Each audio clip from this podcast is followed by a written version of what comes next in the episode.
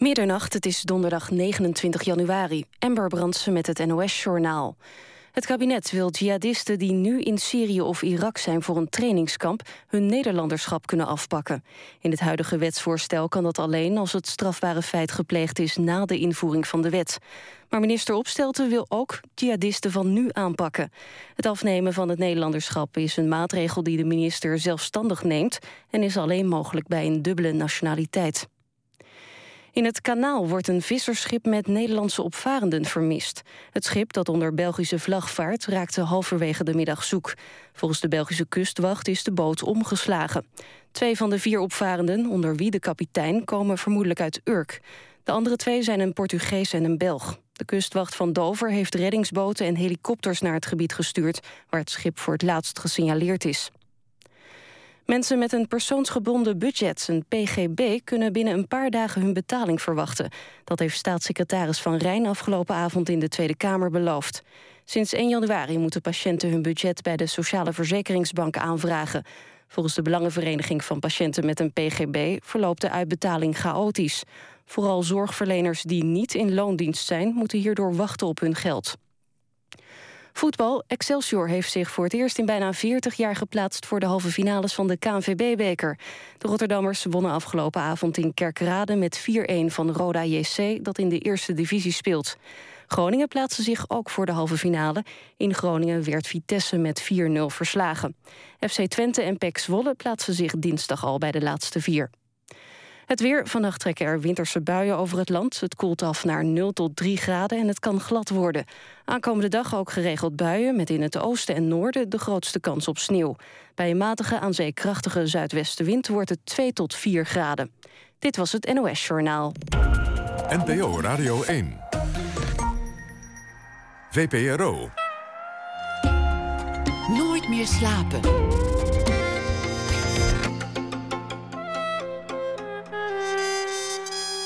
Met Pieter van der Wielen. Goedenacht en welkom bij Nooit meer slapen. Een hommage aan de overleden acteur Jeroen Willems... door uh, zijn collega en sopraan Claren McFadden, zometeen na één uur. Dan ook de verfilming van het leven van zeeheld Michiel de Ruiter... een van de duurste films in Nederland ooit gemaakt. En we gaan praten over de lancering van de Partij voor de Singles. Want zij die alleen leven, die trekken toch samen op. Dat allemaal uh, straks na één uur. Maar we beginnen met de winnaar van de VSB Poëzieprijs van dit jaar. Die werd uh, uitgereikt in Rotterdam vandaag...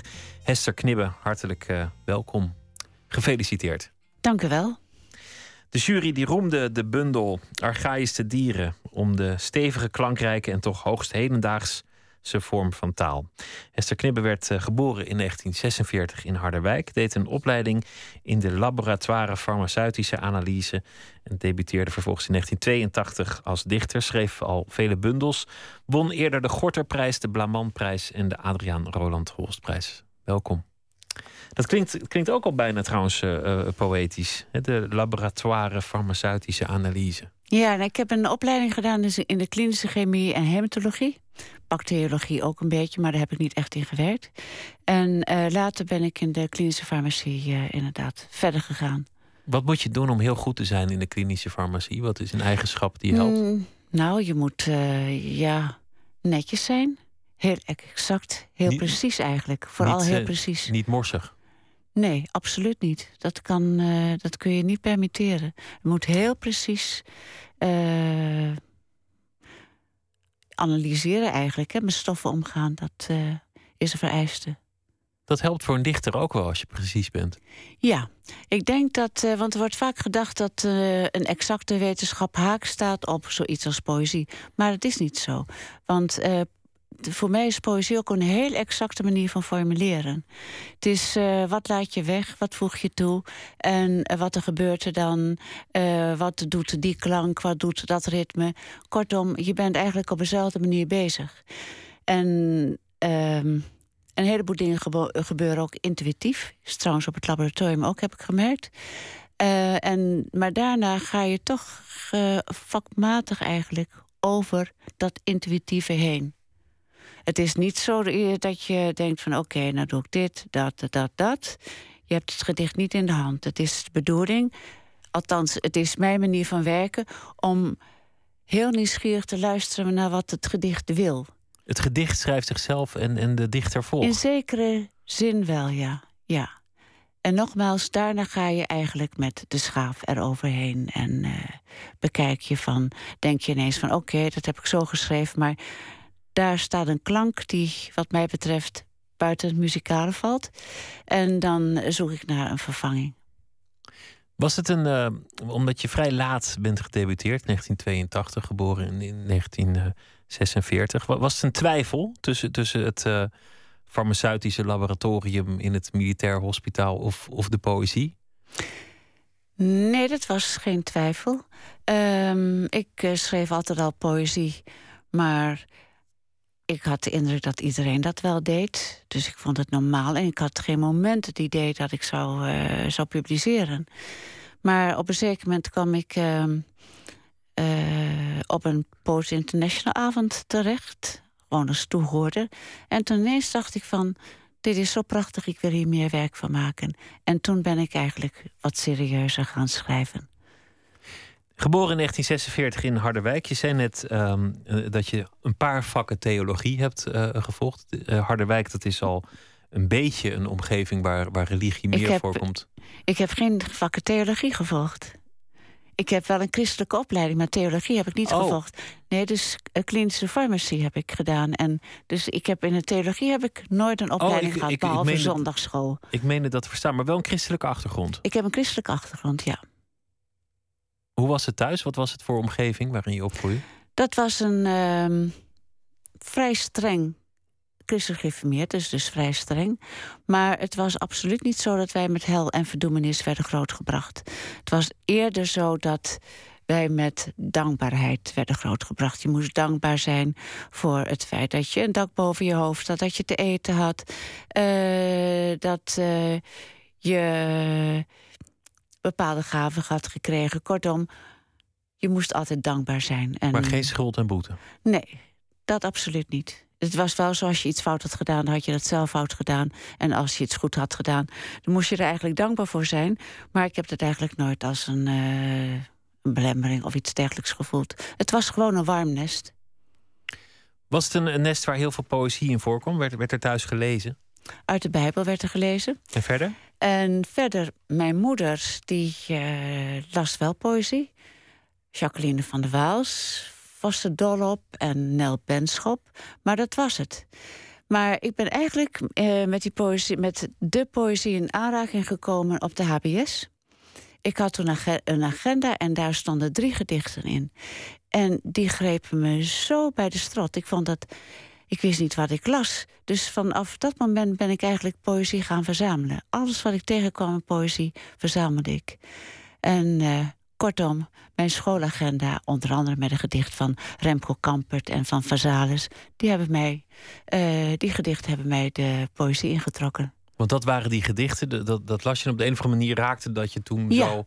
Ik had nog nooit zoiets gelezen. Ik vond het zo prachtig. Ik weet nog van Vazalis was het dat gedicht tijd van ik droomde dat ik langzaam leefde, langzamer dan de oudste steen.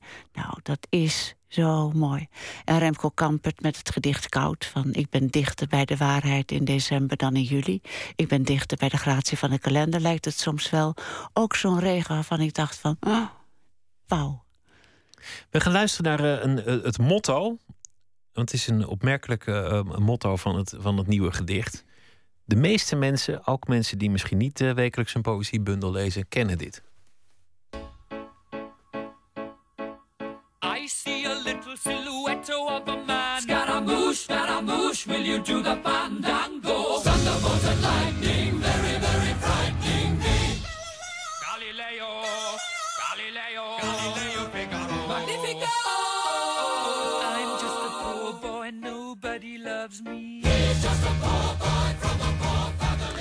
Ja, Bohemian Rhapsody. Het, uh, het motto is iets korter, want, want je hebt het geschreven. I see a little silhouette of a man, Scaramouche. Scaramouche, will you do the fandango? Thunderbolt and lightning, very, very frightening me. Ja.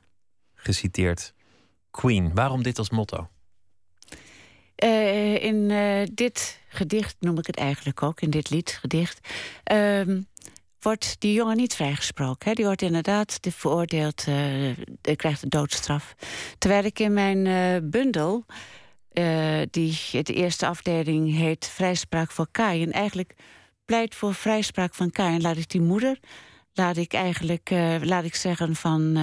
Hij heeft het niet kunnen weten, want hij had nog nooit een dood mens gezien. Dus ik pleit voor vrijspraak, terwijl die jongen in dat lied wel de doodstraf krijgt.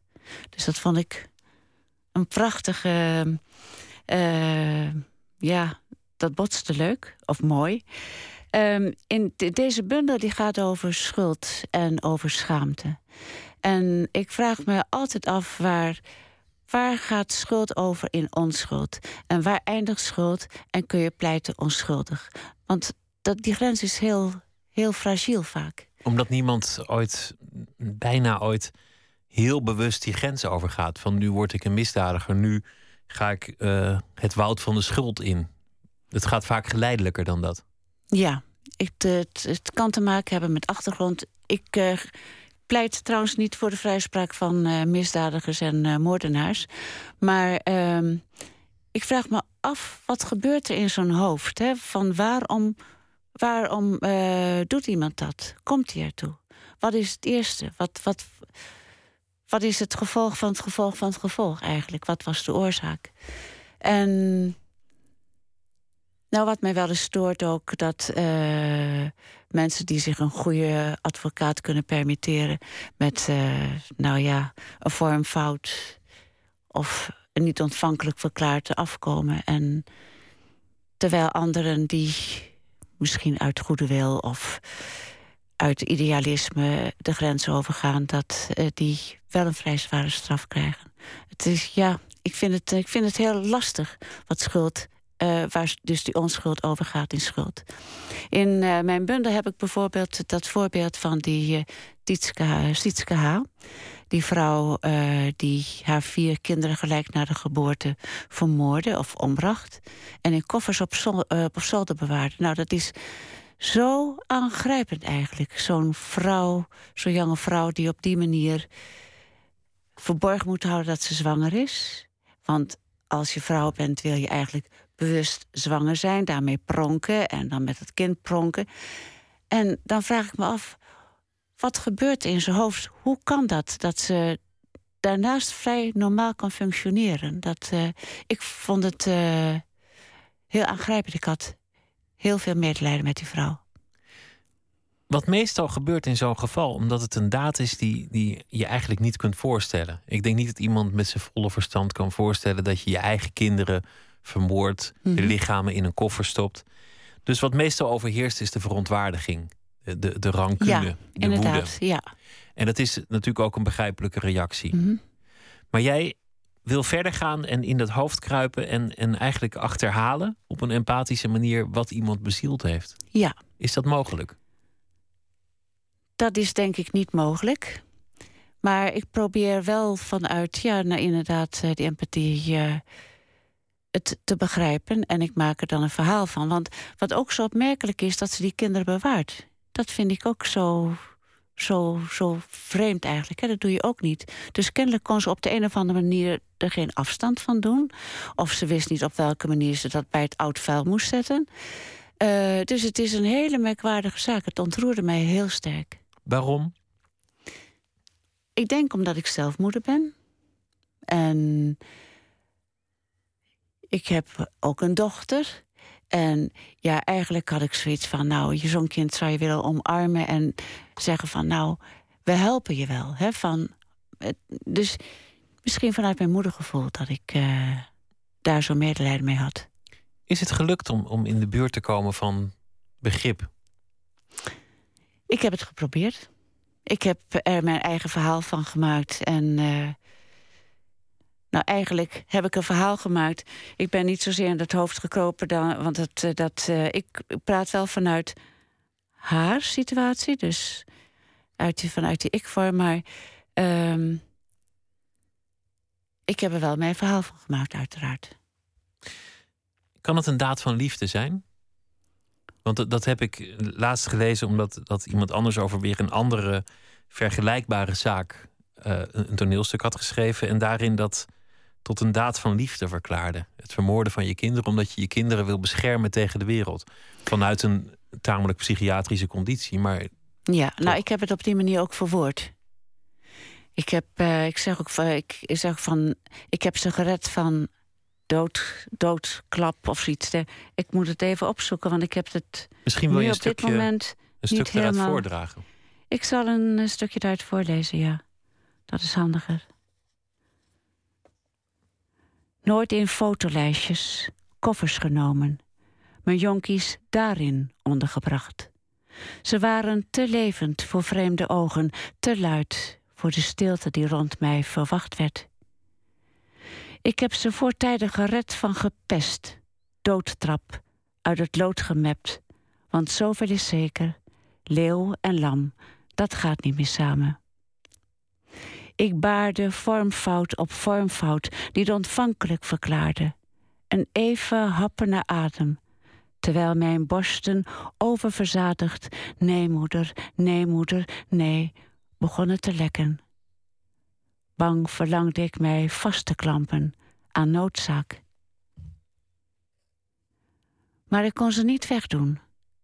Daarom heb ik ze in die koffers bewaard. Want het is niet iets wat je zomaar aan de buitenkant draagt. Een t-shirt of broek die je zat wordt of slijt. En het is ook niet zoiets als nagels en haren die je afknipt. Wat je in je droeg, wil je niet kwijt. Vandaar dus die koffers. Een soort van op reis terug naar een ander baarmoederdonker. Wat moesten ze nog met licht in hun ogen dicht? We hadden het net heel even over Bohemian Rhapsody. Mhm.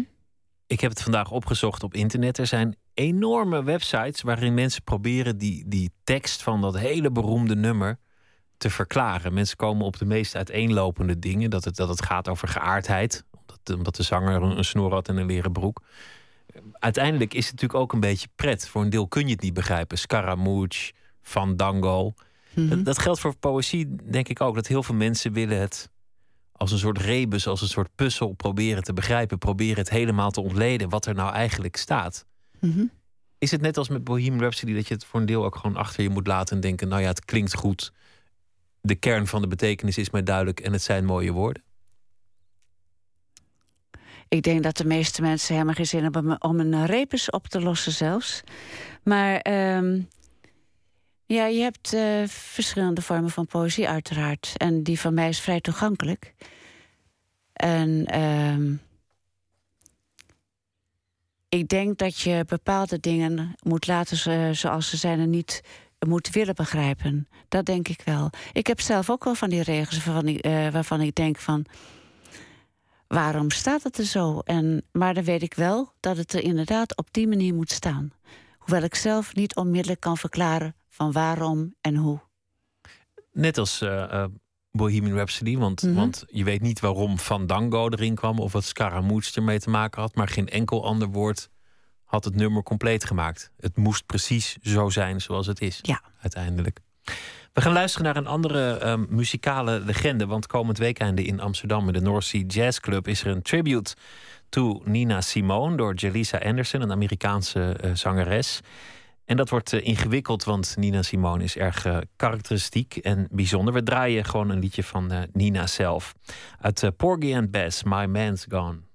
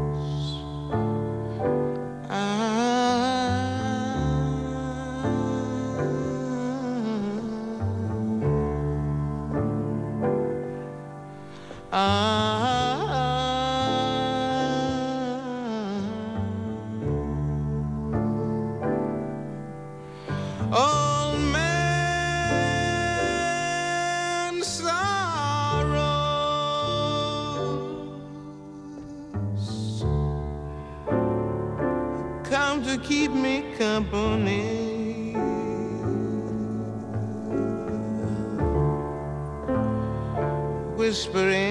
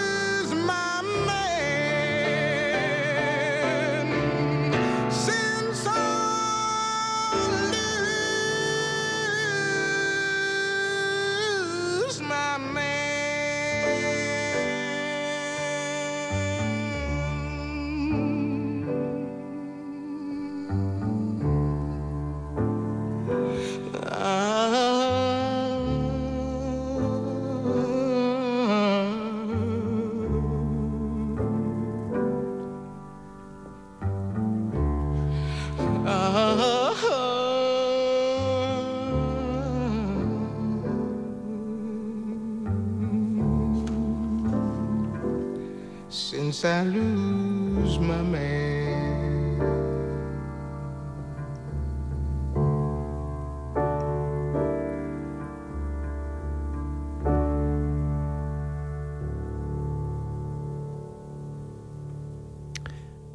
My Man's Gone, een klassieker van eh, Gershwin, uitgevoerd door eh, Nina Simone. Nooit meer slapen in gesprek met Hester Knibbe.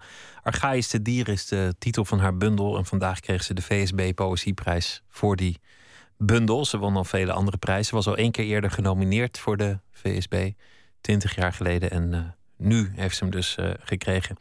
Ergens in, in een van je gedichten ehm, eh, schrijf je, en, vergeef me dat ik niet precies de goede zin herhaal, maar je, schrijft: Wie kan een leven leven zonder tegenslag? Of wie is het gegeven om een leven zonder tegenslag te krijgen? In, in, in je huidige bundel begint eigenlijk met de verdrijving uit het paradijs. Daar zit eigenlijk datzelfde in: dat er een moment is van onschuld, een moment dat alles beschermd en veilig is, en op een zeker ogenblik is die toestand verstoord en, en heeft het leven tegenslag gekregen. Dat, ehm, dat vond ik mooi. Wat, wat was eigenlijk het moment dat je jezelf realiseerde in je leven dat, dat er tegenslagen waren gekomen, of dat, dat de vrede verstoord was, of dat de onschuld weg was?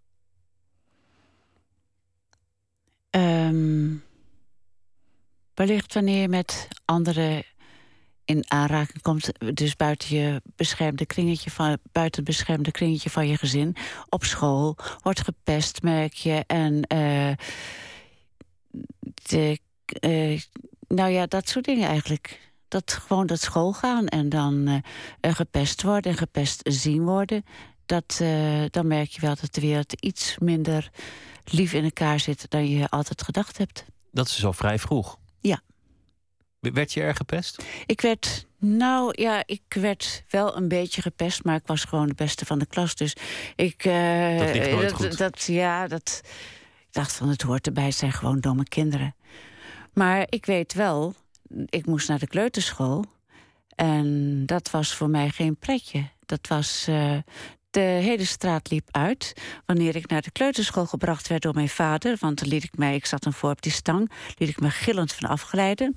En de eerste twee weken heb ik ook met mijn hoofd op de bank gelegen en niet op of omgekeken. Dus het was voor mij inderdaad heel erg wennen aan die buitenwereld. Inderdaad, dat gevoel van, van goh, ergens was een soort paradijs waar, waar ik veilig was, waar ik op me, me veilig voelde, Ja. beschermd. Ja. En, en de, de buitenwereld is toch iets vijandigs. Ja. En mijn Ja. ouders hebben dat wel goed gezien, denk ik. Want ze dachten, dat eh, moeten we niet op de lagere school hebben. Dus laat ze maar even wennen aan de kleuterschool. En daarna was het inderdaad over. De wereld is niet meer vijandig. Nou, je, kun, je leert je beweging in de wereld die eh, dan eh, minder beschermd is. Je moet wel. Je moet, ja. Je hebt geen keus. Maar die, die gedachte is er nog wel ergens. Van goh, kon ik maar terug, terugkruipen in een, in een beschermde wereld. Ik denk dat iedereen dat heeft. Hè? Dat iedereen eigenlijk gewoon in een beschermde omgeving wil zijn. En eh, dat iedereen graag ehm, geliefd wil zijn. Dus dat is eigenlijk een paradijselijke manier van leven. Een vorm je. van warmte. Ja. Gekend zijn. Ja.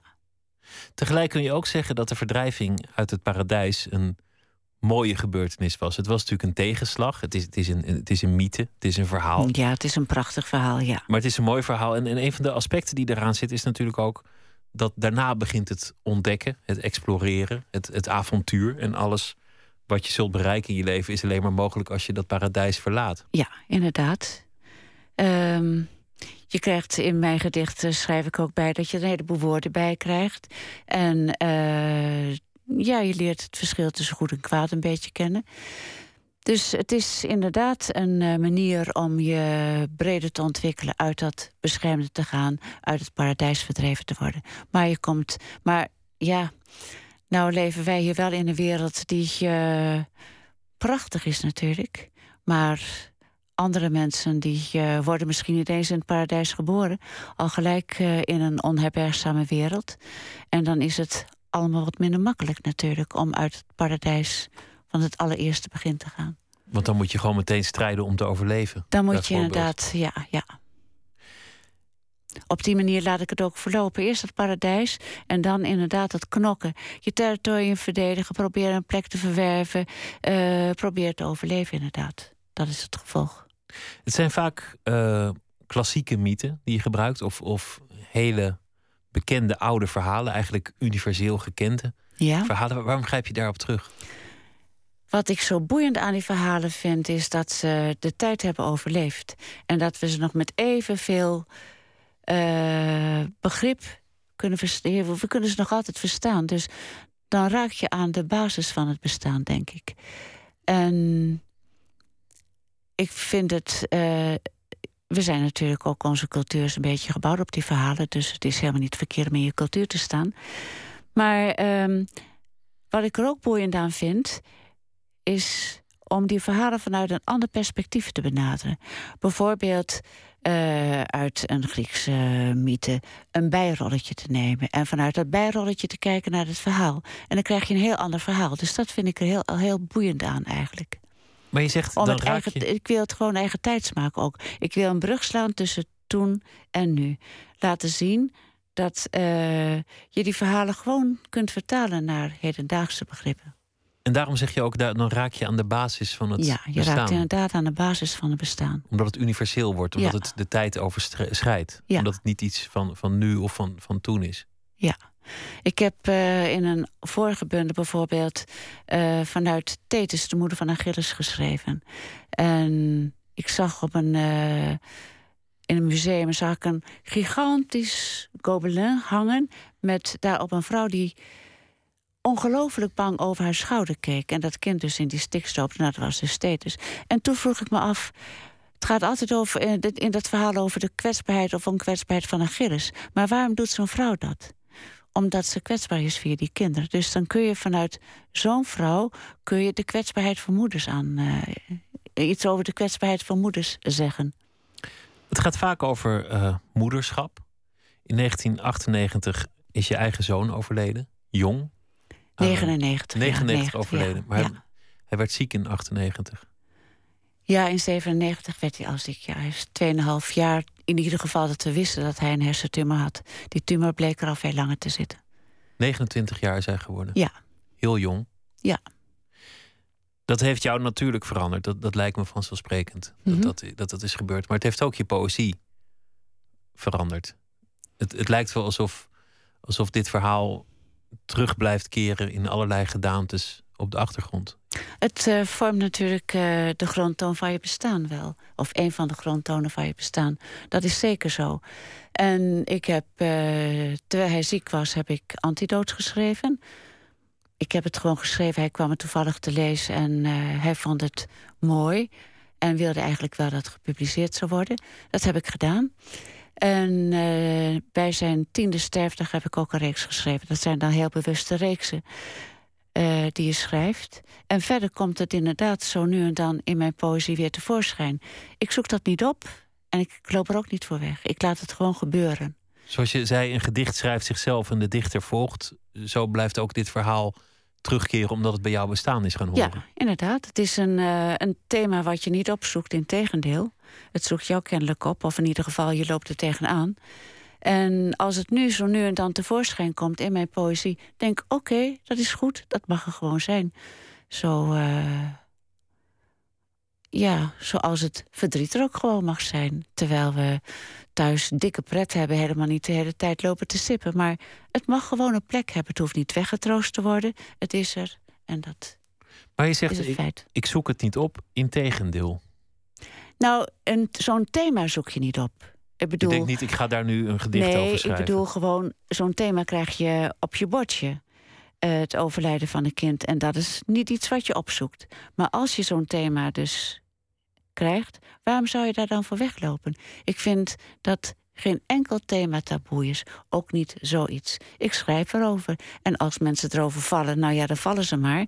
Dat interesseert me dan niet. Ik, eh, Waarom wat- zouden mensen daarover vallen? nou ja, er is wel eens eh, lelijk gedaan naar andere dichters, ook dichteressen, over nou, dat gewoon schrijven over een kind wat overleden is.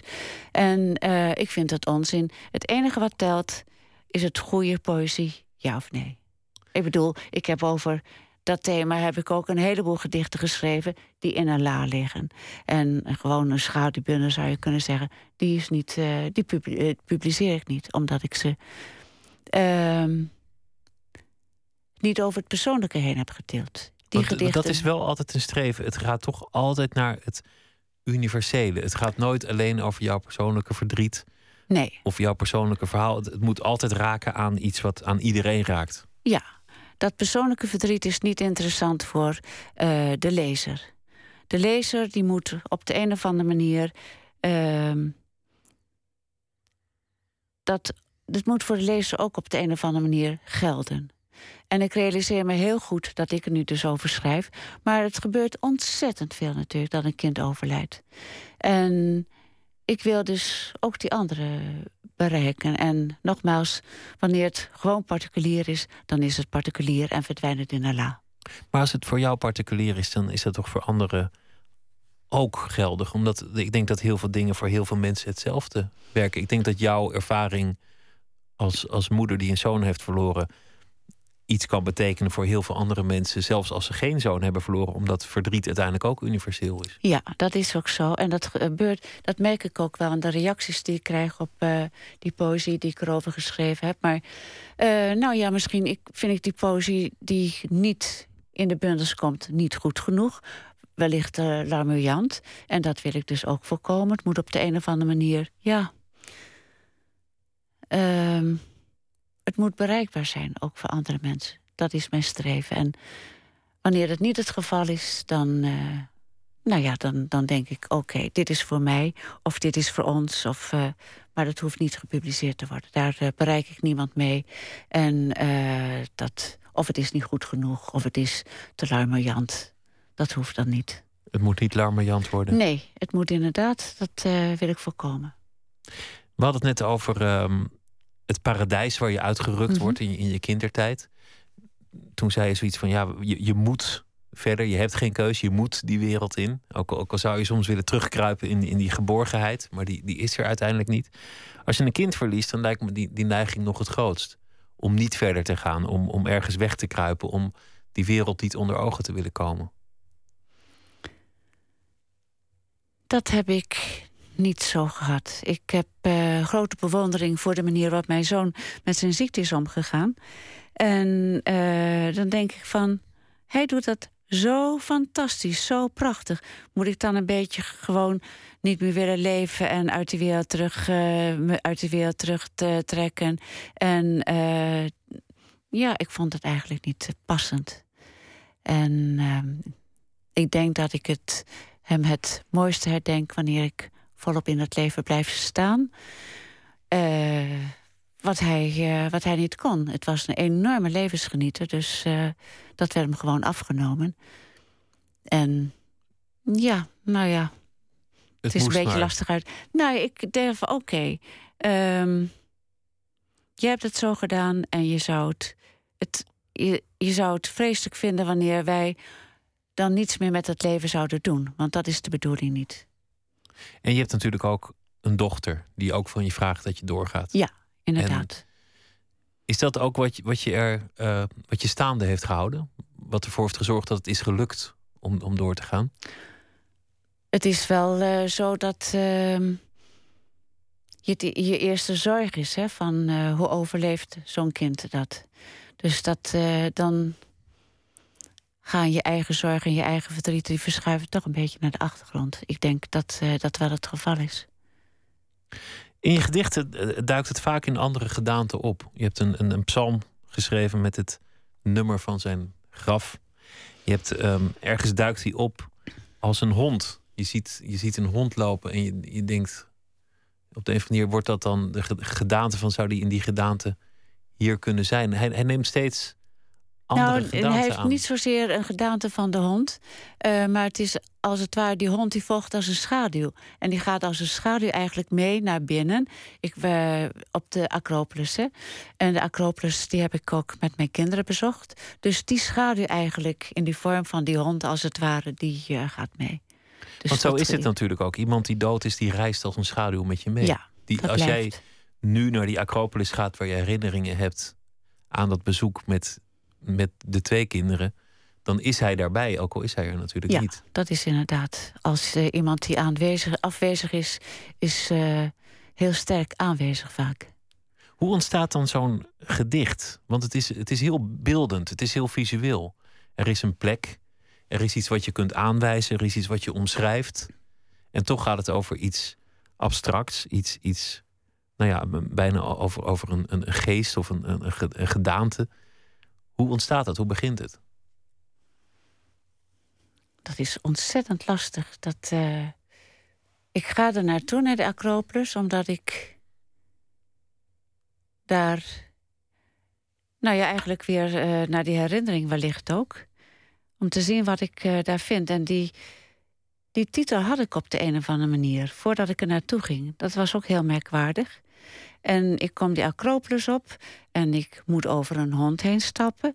En ik moet nog eens over een hond heen stappen. En kom daar overal honden tegen. Dus dat klopte op de een of andere manier heel merkwaardig. En dan heb je het gevoel van dat zo'n schaduw ook meegaat. Dus dat, het was een hele merkwaardige eh, reis die ik daar naartoe heb gemaakt. Maar kwam, kwam die zin daar op die plek of, of pas later De- aan die- die- tafel? Die eh, hond, op, ho- hond op de Acropolis, die was er voor ik er naartoe ging. Toen wist je al, dat is een, een, een titel of dat is een zin of dat is iets wat Ja. mij bijblijft. Ja, dat is dat. eh, ik heb het wel vaker gehad. Dat ik dan gewoon eh, mij een regel te binnen schiet waarvan ik weet dat is er eentje die eh, blijvend is. Bijvoorbeeld het laatste, de laatste regel van het gedicht Ja, dat liefdesgedicht. En waar de weg ophoudt, eh, zullen we slapen. Dat is een regel die me op de een of andere manier een keer gewoon binnen, eh, te binnen schoot. En ik wist, die krijgt ooit ergens een plek. En dat was ook zo. Jaren later kreeg die regel een plek. Voor de laatste bundel ben je eh, afgereisd naar wat, wat vroeger eh, Thebe was. Ja? Tegenwoordig heet het anders. Ik vergeet eigenlijk altijd de naam. het- Tiba? Tiba heet Ja. het tegenwoordig in Griekenland. Ehm, decor voor heel veel bekende mytheverhalen, voor Mhm. Oedipus eh, b- bijvoorbeeld. Je gaat er waarschijnlijk naartoe omdat je er graag komt, omdat het een interessante, mooie omgeving is. Of heb je dan ook al gedacht van, goh, dat is zo'n mythische plek met zoveel verhalen, dat, dat zal mijn poëzie helpen? Nee, dat was, ging iets anders. Ehm, op een zeker moment, na een jaar, had ik mijn gedichten bij elkaar gelegd. En eh, toen merkte ik van, hé, hey, ik ben kennelijk voortdurend bezig met het begrip schuld. Oké, dan maar even doorbijten. En ik heb jaren geleden heb ik eh, eh, voor, bij het Rood Theater een voorstelling gezien van Oedipus in Kolonos. En de eerste regel, de eerste zin die Oedipus uitsprak, die greep me gelijk naar de strot. En het was zoiets van: ik heb alleen het goede gewild en ik heb er een vaasje aan gericht. Dat vond ik zo dramatisch, want dat ge- gebeurt natuurlijk vaak dat je met je, al je goede bedoelingen een hoop ellende veroorzaakt. Nou, en toen Oedipus dacht ik: oké, waar begint er- vermijden. die wil dat vermijden, inderdaad. Die wil het voortdurend vermijden. En eh, toch ontkomt hij niet aan zijn noodlot. Geval, dat vond ik ehm, zo pas in het thema van waar begint schuld en waar houdt het op. Dat ik dacht, oké, ik reis naar Thebe. Er stond trouwens in alle gidsen ook dat ehm, daar tien kilometer boven, dus Tiba, nog eh, de oude restanten van het eh, paleis van Thebe te bezichtigen zouden zijn. Nou, dat viel wat tegen. Dat was inmiddels aan de natuur teruggegeven, bleek. We hebben er enorm naar gezocht. Maar ehm, ik weet dan wel, ik vind er iets. En in zo'n omgeving loop je eigenlijk weer nieuwsgierig rond als een kind. En dan vallen je dingen op. En dan, ja, dan vallen die duizenden jaren eigenlijk zo tussen, zo, zo weg tussen toen en nu, dat valt allemaal eh, weg voor mij. Ik kan me dan helemaal verplaatsen in zo'n situatie. Ik zie mensen, ik loop over de markt en dan zie ik die marktlui veelal nog met eh groente en fruit op zo'n kleedje op straat. En dan kan ik mij zo verbeelden door de oude Thebe te lopen. Het orakel zegt: Je zult je vader eh, vermoorden. Of, Ja. of zegt Oedipus zal zijn vader vermoorden. Hij, hij gaat op reis om te vermijden dat hij die vader vermoordt. En daardoor komt hij hem juist tegen. En, en wat gebeurt? Ze Ja. krijgen ruzie. Dat gebeurt natuurlijk heel vaak. Als je, als je de krant leest of, of verhalen om je heen hoort. Juist datgene wat mensen willen vermijden, dat doen ze uiteindelijk.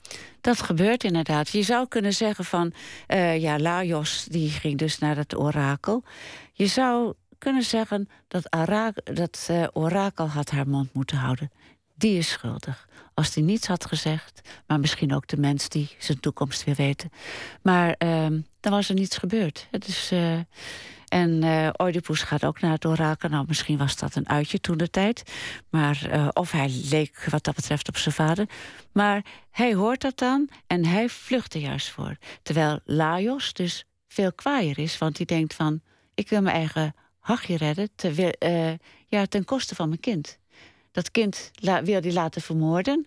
En ehm Oedipus is eigenlijk een veel fatsoenlijker iemand... die probeert die moord te voorkomen. We gaan luisteren naar ehm, muziek, want eh, Stevie Wonder wordt dit jaar 65. Hij is eh, nog heel actief met optredens. Doet ook mee aan andere albums, bijvoorbeeld het nieuwe album van Mark Ronson. Maar dan zingt hij niet als hij eens meedoet met een ander. Dus we gaan maar eh, luisteren naar zijn grote klassieker. 1976, Songs in the Key of Life, het nummer Village Ghetto Land.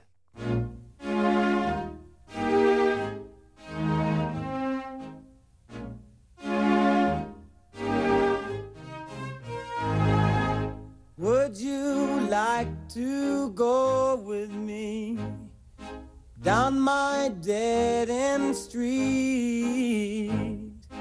Would you like to come with me to village ghetto land? See the people lock their doors while robbers laugh and steal.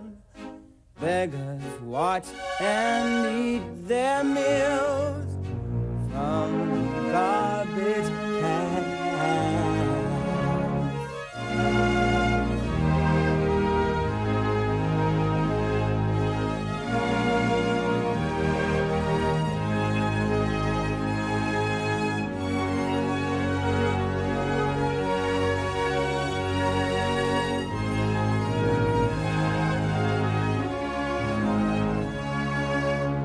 Broken glass is everywhere.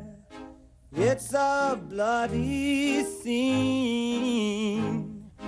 Killing plagues the citizens unless they own police. Children play with rusted cars. Swords cover their Politicians laugh and drink, drunk to all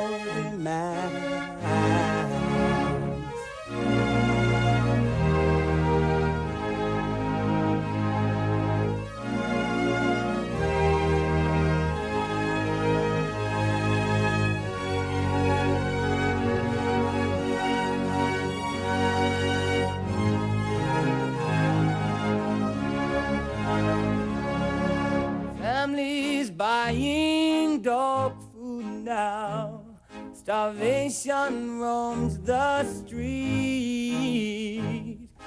Babies die before they're born, infected by the greed. Now, some folks say that we should be glad for what we have. Tell me, would be happy?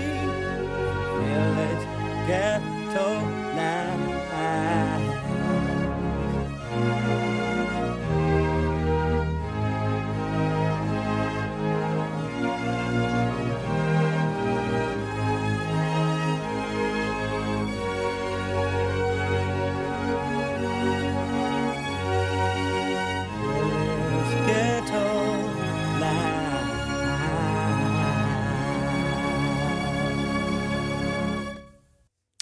Village Ghettoland van eh, Stevie Wonder van zijn eh, legendarische plaat Songs in the Key of Life. Esther Knibbe, sinds vandaag eh, VSB Poëzieprijs winnaar. Is, is het eigenlijk een, een leuke dag geweest? Hoe, hoe gaat zoiets? Wanneer hoor je dat en, en, krijg je dan een, een feestelijke avond? En hebben ze voor je gezorgd?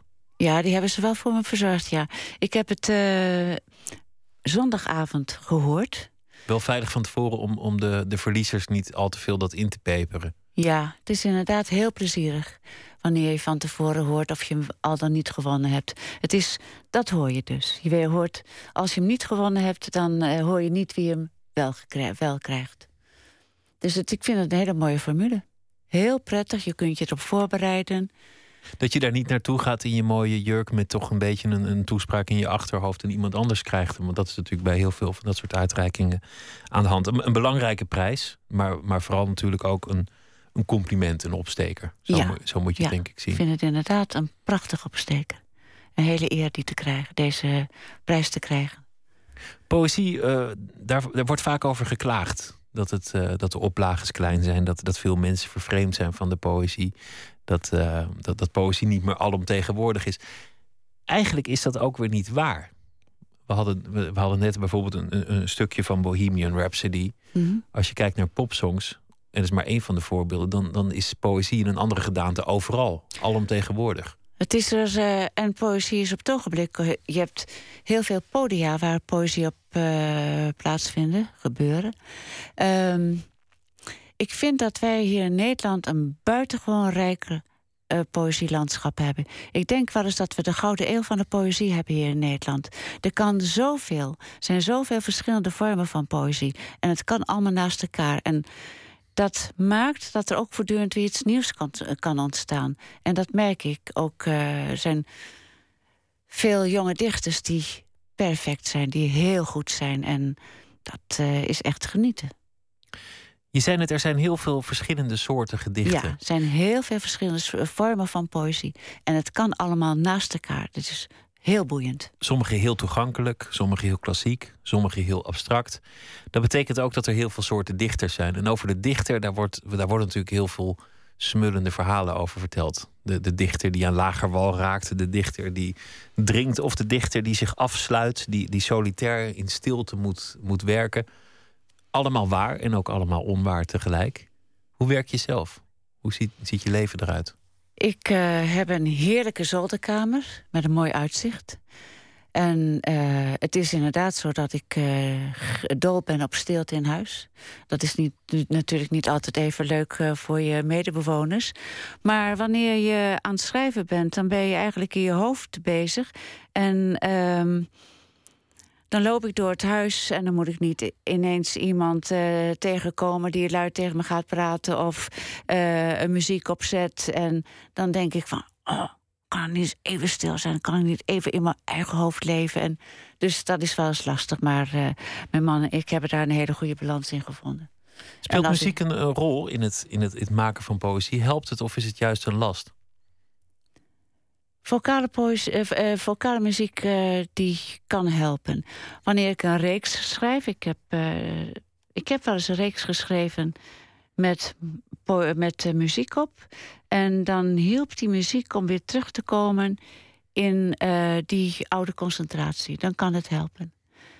En ik denk wel dat mijn gedichten vrij muzikaal zijn. Ritmisch allereerst? Ritmisch.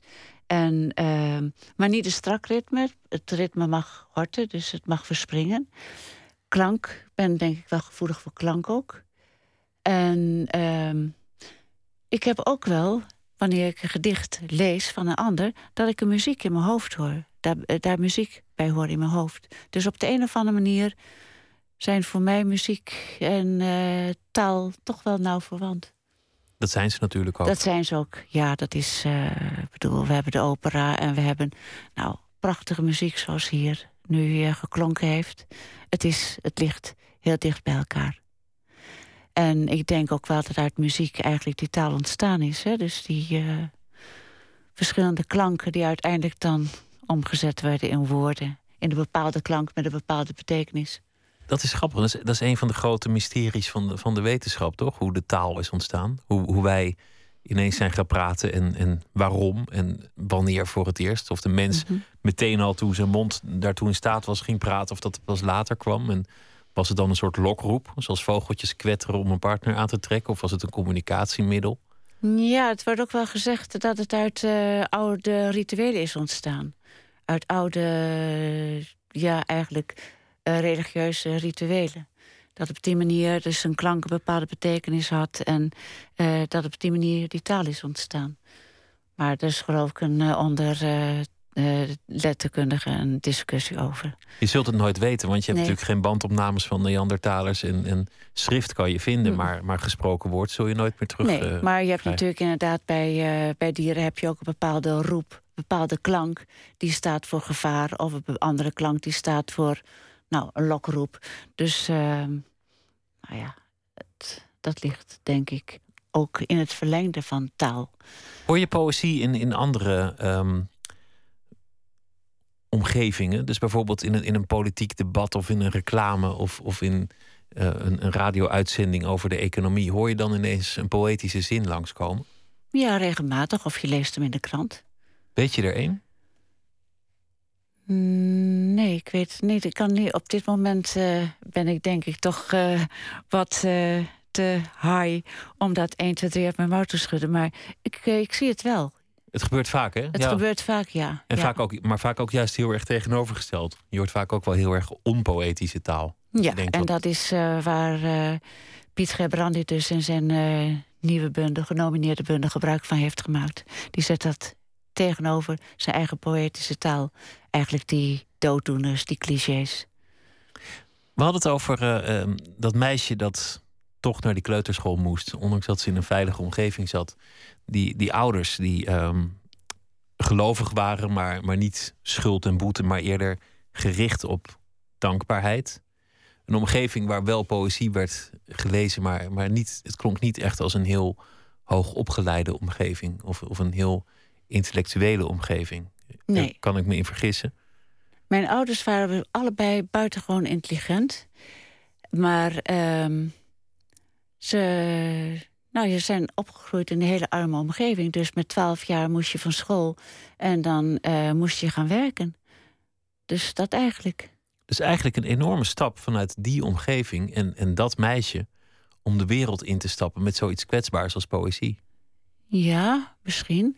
Maar mijn ouders die hebben ehm, er wel voor gezorgd dat wij een goede opleiding kregen. Ze waren niet rijk, beslist niet. Maar ehm, ze vonden dat wij een goede opleiding moesten hebben. Ook meisjes. En dat was in de omgeving niet vanzelfsprekend. Daar werden mijn ouders echt op aangekeken dat ze hun dochters naar de HBS stuurden. Daar had je toch wel een behoorlijk hoog in je bol. Hebben ze je ehm, poëzie nog meegemaakt? Hebben ze het ooit kunnen lezen en, en waarderen? Ja, ja, zeker. Ja. En ze waren heel trots. En, eh, maar goed, mijn moeder vond toch dat de poëzie van Nel Benschop wel wat meer diepgang had. Maar ze was toch heel trots en ze wilde alles horen. Eh, en toen ze blind was, zo goed als blind was, eh, heb ik ook bandopnamen voor haar gemaakt. Want ze is op een paar uur na honderd geworden, maar op het laatst was ze dus zo goed als doof en blind. Dus dat uh, was ook geen pretje. Maar ze kon er erg van genieten. Ze wilde ook alles weten en alles horen. En mijn vader trouwens ook. En als je zelf terugkijkt um, op het leven tot nu toe. En, en dit, dit is natuurlijk toch een, een, monumentaal moment. Zoals er meer zijn geweest en ook meer zullen, zullen volgen uiteindelijk. Wat heeft de poëzie, die keuze die je uiteindelijk hebt gemaakt, maar ook die poëzie die jou overkwam. En jij bent achter de poëzie aangerend en, en niet andersom. Wat heeft die je gebracht? Hoe had je leven eruit gezien als je een ander pad... Ja. Uh, veel saaier, denk ik. Het is, uh, die poëzie heeft uh, mijn leven wel verrijkt. Het is um, een genuanceerde manier van naar de wereld kijken, wellicht. Ook. Um, ja, ook wat je niet begrijpt uh, ook je laten boeien door wat je niet begrijpt. Misschien ook dat. Ik vond bijvoorbeeld de poëzie van Gerrit Kouwenaar... vond ik buitengewoon boeiend. Ik vond dat zo schitterend. Ik begreep er geen bal van. Maar toch vond ik, bleef ik dat lezen, verzamelde ik alles. En toen hoorde ik hem op, dat was dus de eerste keer dat ik naar Poetry International ging, als toehoorde, hoorde ik hem lezen en alles viel op zijn plaats. Dus uh, wat dat betreft zijn podia ook uh, wel een uh, extra een toevoeging voor poëzie. Maar ook zonder dat ik het begreep, was het voor mij een wereld die ik niet had willen missen. Een wereld die het mogelijk maakt om datgene wat je misschien niet meteen begrijpt, ehm, toch te begrijpen. Ja, ook het mysterie misschien een plaats te, te geven, te gunnen. Een aantal gedichten zijn vrij lang, zijn, zijn opeenvolging. Zou je om af te sluiten één kort gedicht kunnen lezen uit, uit je bundel. Ja, dan neem ik het laatste gedicht. Dat is het laatste gedicht van uh, de reeks Er is altijd, een reeks van dertien gedichten. En het laatste is een, het, uh, is een soort envoi. Laten we de oude brieven verbranden. Al die mooi verregende zongebleekte woorden en regels in vlammen zien opgaan, maar schaamteloos hun inhoud behouden. We hebben geluk gehad. Oh, wat hebben we? Laten we straks andere steden verkennen, door nieuwe straten met muzikanten en slapers op banken slenteren, wennen aan weggaan. Laten we daar eten, drinken en geven. De zanger genoeg om dronken te worden, de bedelaar wat hem toekomt. Hester Knibbe, dank je wel. Geniet van, uh, van de prijs en dank dat je te gast wilde zijn. Graag gedaan. De bundel heet uh, Archaïs, de dieren. Zometeen uh, gaan we verder met uh, Nooit meer slapen. We gaan het hebben over alleenstaanden. We gaan het hebben over zeehelden. We gedenken acteur Jeroen Willems en heel veel andere dingen. Twitter, het VPRO NMS of via de mail nooitmeerslapen.vpro.nl.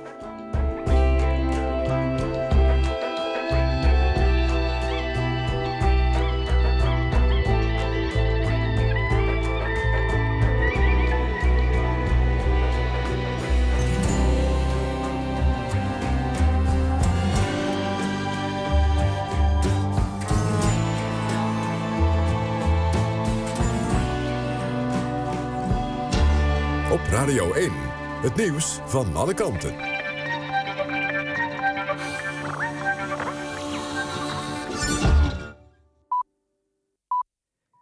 1 uur, Ember Brandsen met het NOS-journaal. In het kanaal wordt een visserschip met Nederlandse opvarenden vermist. Het schip dat onder Belgische vlag vaart raakte halverwege de middag zoek.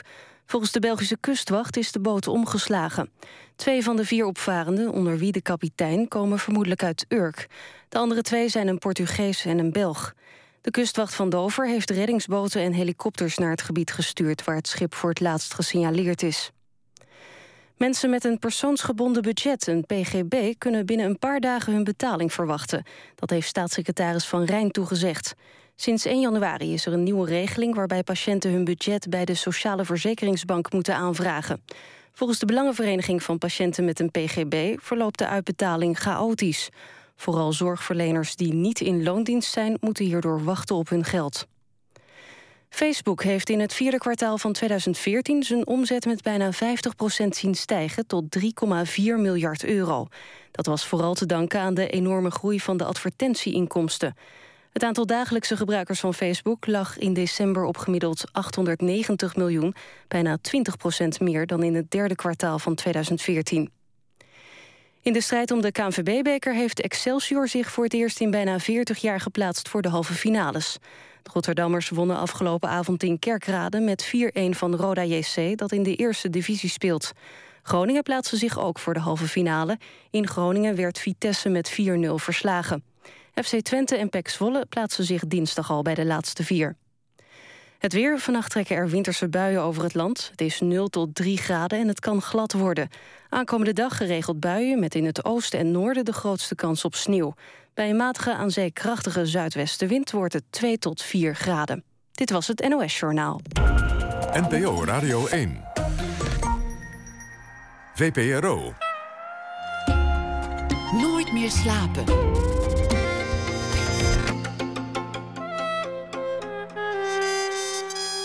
Met Pieter van der Wielen. U luistert naar Nooit meer slapen. We vragen een schrijver elke dag een eh, verhaal voor ons te maken over de afgelopen dag. Deze week Thomas Heerma van Vos. Studeerde Engels in Londen, Nederlands in Amsterdam. Schreef al eh, twee romans en een verhalenbundel met de titel De Derde Persoon. Goedenacht, eh, Thomas. Goedenacht, Pieter. Nou, ik heb al een aantal verhalen van je gekregen deze week. En nou ja, het gaat door, hè? Het gaat door zo'n ja, week. het gaat door. Ja, we zijn in het midden. Midden in de week. Vertel eens over deze dag, wat, uh, hoe zal die de, de herinnering ingaan? Als die al de herinnering in zal gaan. Bedoel je mijn persoonlijke herinnering of meer de... Die van de, wereld, ja. Die van de wereld. Wat je wil. Begin maar bij jezelf. Uh, uh, nou, bij mezelf, ik ging, uh, daar zou ook mijn column zo over gaan, maar ik ging op uitnodiging van een vriend naar een tentoonstelling over het werk van Arno Grunberg en ook over het leven van Arno Grunberg. In Amsterdam werd dat vrij groot. Vorige maand, geloof ik, opgezet en georganiseerd. En ik dacht, laat ik daar eens heen gaan. Ik vind zijn werk goed. Ik vind het ook wel, uh, ook wel iets stoers hebben dat iemand die nog geen 45 is... je kan het ook wat narcistisch noemen, maar al zo'n grote tentoonstelling over zichzelf organiseert. Daar belandde ik en dat liep allemaal iets anders dan, dan gedacht. Um, en als ik het even van buitenaf, dus niet vanuit mijn eigen leven bekijk... is dit volgens mij een dag waarop ja, veel, veel wat de afgelopen dagen, waar we het ook over gehad hebben... is aangekondigd waarop dat zich geleidelijk begint te ontvouwen. En dan, je merkt dat het politieke spel in Griekenland, waar hadden we het gisteren over... dat dat nu eigenlijk echt begint. Uh, maar het einde is daar nog totaal niet in zicht. En er is nu alleen een soort richting ingenomen. En wat mij persoonlijk ook wel interesseert is dat de corruptie binnen de FIFA, dus de voetbalbond, ook steeds meer verder wordt.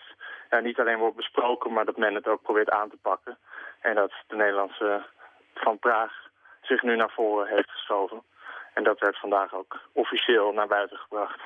Juist, en dan waren er nog, waar je het gisteren ook over had, uh, sneeuwstormen. Hè? In, in New York uh, blijft dat uh, doorgaan. De, de, ja, ja, ja. De en voorspelde sneeuw. Hè? En in Nederland hebben we, nou ja, een sneeuwstorm ja, nog niet, maar, maar, het is gewoon winter. Hè? Weer overlast, ja, wat het ook precies mag betekenen. Maar goed, uh, Gunberg, nog geen 45 en nu al een uh, tentoonstelling over uh, zijn werk en leven. Nou, daar mocht je niet ontbreken. Ik ben benieuwd welk verhaal het heeft opgeleverd. Ja. Een vriend nam me mee naar de Grunberg tentoonstelling in Amsterdam. Drie zalen gevuld met eerste drukken, met persoonlijke brieven, met beschreven bierveeltjes, met privéfoto's, met huurcontracten.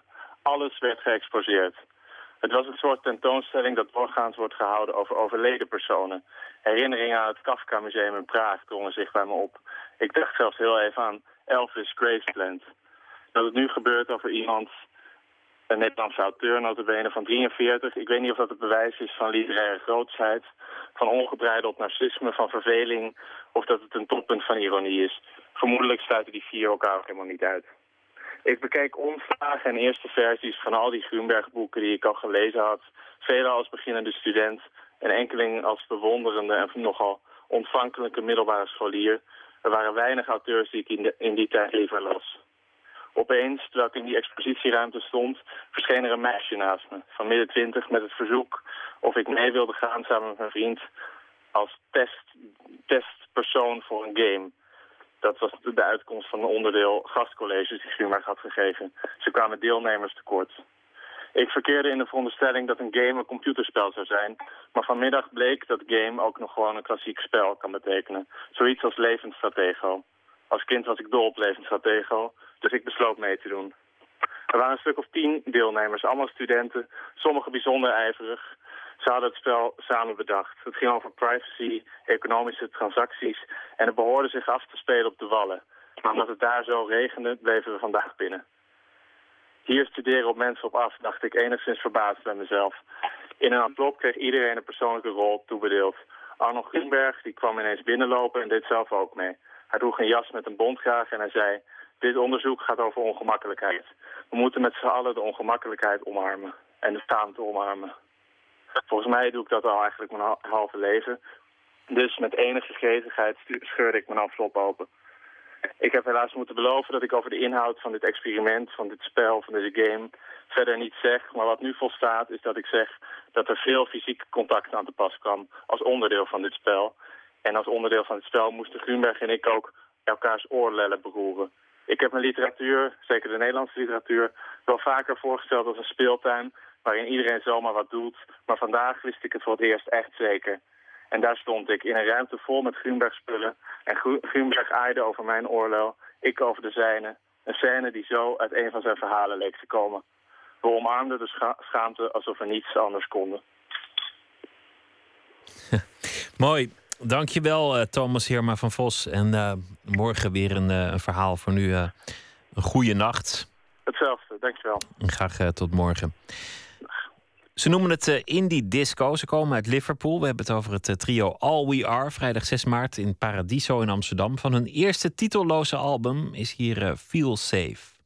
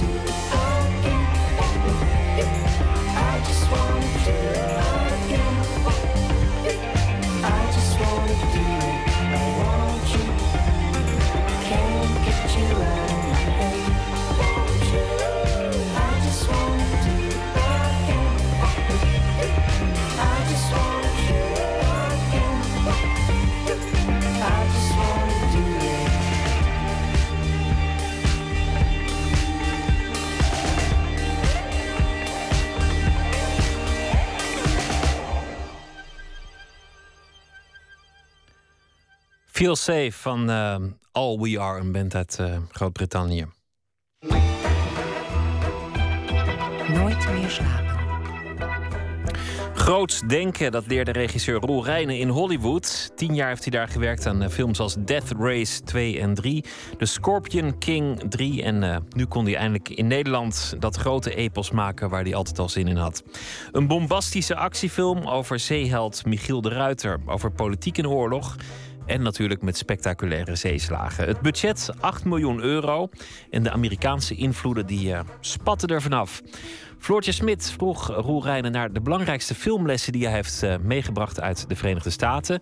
En oké, ook heel even naar de ophef over de slavernij. Volgens een actiegroep was het schandalig dat eh, de rol die de ruiter daarin heeft gespeeld niet wordt genoemd in de film. Maar laten we beginnen midden in een zeeslag. Is er een Nederlandse film die zoveel waar voor je geld biedt als Michiel de Ruiter?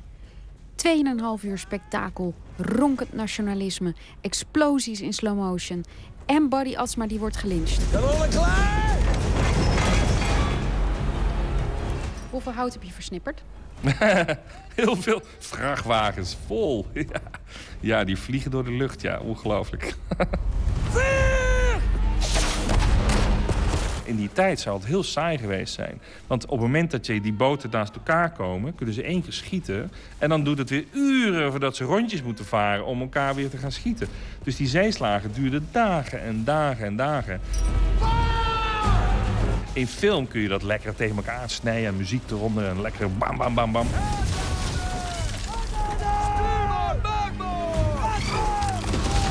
Ja, dit is nog wel eens wat anders dan ziektedrama's en verstilde cinema. Waarom doen Nederlandse regisseurs dit niet vaker? Geen idee.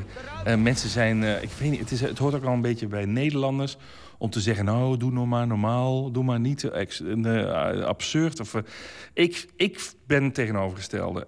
Ik heb altijd al, ik vind film is bigger than life. Dus als jij naar de bioscoop gaat, dan wil je gewoon heel even meegaan met James Bond. En dan wil je gewoon bigger als live, wil je met hem meevoelen. Nou, voor mij was dat voor Michiel de Ruiter essentieel. Dit is regisseur Roel René. U kent hem misschien niet meer, omdat hij na zijn film Deliverance naar Amerika vertrok. Ondanks zijn gouden kalf kreeg hij zijn filmprojecten hier maar niet van de grond. In Amerika ging hij B-films maken. Ja, nou ja, in Amerika noemen ze dat genrefilms. Ik moet altijd in Nederland horen dat dat B-films zijn. Ik vind het wel grappig. Ik heb nu eh 16 Amerikaanse speelfilms geregisseerd. 16! Dat is zoveel kennis en know-how die ik opbouw door daar te filmen. En daarmee ben ik gewoon een, een heel veel betere regisseur geworden... dan dat ik in Nederland ooit had kunnen worden ik heb toen ook in Amerika gezegd, nou, ik ga alles doen. Ik doe mm, eh, straight-to-video, sequels, prequels, maakt me niet uit. Want ik wil gewoon zo goed worden als Ridley Scott. En daarvoor moet ik gewoon 10.000 uur films maken. Ik moet wel zeggen, toen ik alle plannen las, vorig jaar, toen, toen je aan het draaien was, dacht ik, nou, dit, dit gaat hier gewoon, dit gaat niet lukken. Goed, hè? ik heb dat meer gehoord. Ja, mensen die hadden echt zo... Nou, dat kan toch niet. Voor dat geld en dan zeeslager. Pff, tuurlijk kan dat wel. Kan heel makkelijk. Ik had dit vijf jaar geleden niet gekund. Ik heb wel heel veel B-films in Amerika moeten maken... om de techniek te beheersen, om dit dan technisch te kunnen. Michiel? Royal Charles. Ik heb gehoord dat het onzinkbaar is. Alle schepen zijn onzinkbaar, Jan. Tot ze zinken. Michiel Ruit is gewoon lekker om naar te kijken. En, eh, en het is soms wel een beetje ranzig. En het is soms een beetje, ja, in slow motion eh, worden kanonslagen en vliegen mensen door de lucht. Maar het is gewoon wel lekker. En dan met vette muziek eronder.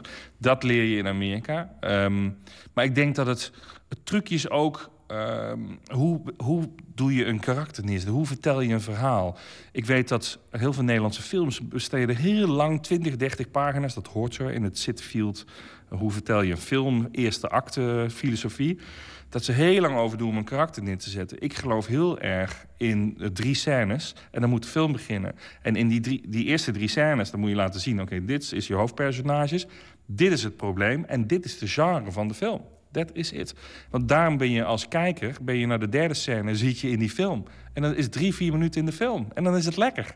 En dan kun je dan nog 2,5 uur lang meegaan, emotioneel, meegaan met Michiel de Ruiter. En met Anne, uh, vrouw van Michiel de Ruiter. Heel. Ik dacht dat jij morgen alweer zou uitvaren. Morgen de eerste tijd. Ik kan nog net even mee eten. Hey. Ja. Hey. Ik heb een eigen kamer. Echt waar? Kom je ook hier wonen dan? Ja, we hebben een eigen bedstee. Ga maar, kom zo kijken. Het is een stuk kleiner dan het pand wat de admiraliteit had uitgezocht, maar het is wel bij de haven. Zolang jij er maar woont. Nee, je leert in Amerika heel erg efficiënt omgaan met tijd. We hebben Michiel de Ruiter in 42 dagen gedraaid. Ik geloof dat uh, Zwartboek in een dubbele aantal draaidagen is gedraaid. Ik heb gewoon in Amerika geleerd hoe je heel goed voorbereidt, duidelijke keuze maakt in de voorbereiding. Van dit is de richting waarop we draaien, dit zijn de lenzen op de camera. Ik doe dan zelf ook nog het camerawerk. En dan ben je op de set en dan kun je heel snel schakelen. Dus ik doe zo'n 100, 120 shots per dag. Terwijl het gemiddelde van een, een Nederlandse film is denk ik 30 of zo. 30, 40 shots per dag. Maar gaat dat dan niet ten koste van, van de crew en de cast? Want je moet bijna een slavendrijver zijn dan, toch? Leuke citaat in deze discussie buiten. Um, nee, dat gaat niet ten koste daarvan. Omdat uh, wat je in heel veel filmsets ziet, is dat de regisseur nog geen idee heeft. Dus dan gaan ze er. Laten we eens even kijken waar het over gaat. Wat voelen we nu? Wat voor shots gaan we doen? Daar wordt een heel, menige acteur en crewlid wordt daar niet goed van. Want dan staan ze constant te wachten. En weer een uur een discussie tussen cameraman en regisseur. Dat heb ik niet. We gaan op de set en gaan meteen draaien. Daardoor zijn die acteurs veel langer op de set, veel effectiever aan het spelen. En ik ben heel close op die acteurs. Want ik ben zo close als ik nu met jou ben, heb ik een camera in mijn hand. En hebben we heel één op één een relatie. En kunnen we heel hard werken en nog iets proberen en dit proberen. En dan gaan we dit doen en zus doen. Waardoor je als acteur veel langer in die film zit. Veel meer uh, input krijgt van mij dan any andere regisseur. Ik merkte dat ook in Amerika. Ik doe daar op deze manier ook. En dan werk ik met grote sterren. En die, na de eerste draaidag komen ze naar me toe. En hebben ze echt... Wat een verademing om met jou te werken. We krijgen zoveel aandacht. En het is zo gaaf, die energie van jou. Dus uh, nee, het, het tegenovergestelde. We moeten dit land met z'n allen weer opbouwen. Dit is onze belangrijkste troef, Michiel onze vrijheid alleen beschermen als we ook willen vechten voor die van een ander. Jij gaat vol in het patriotisme. Jij wil wapperende Hollandse vlaggen. Ja, nou, het grappige is dat ik woon dus nu tien jaar in Amerika... en er is een, een plek waar ik iedere dag langs rijd met mijn auto. En daar hangt een hele grote Amerikaanse vlag. En omdat die zo groot is, eh, de wind maakt het hem in een soort slow motion.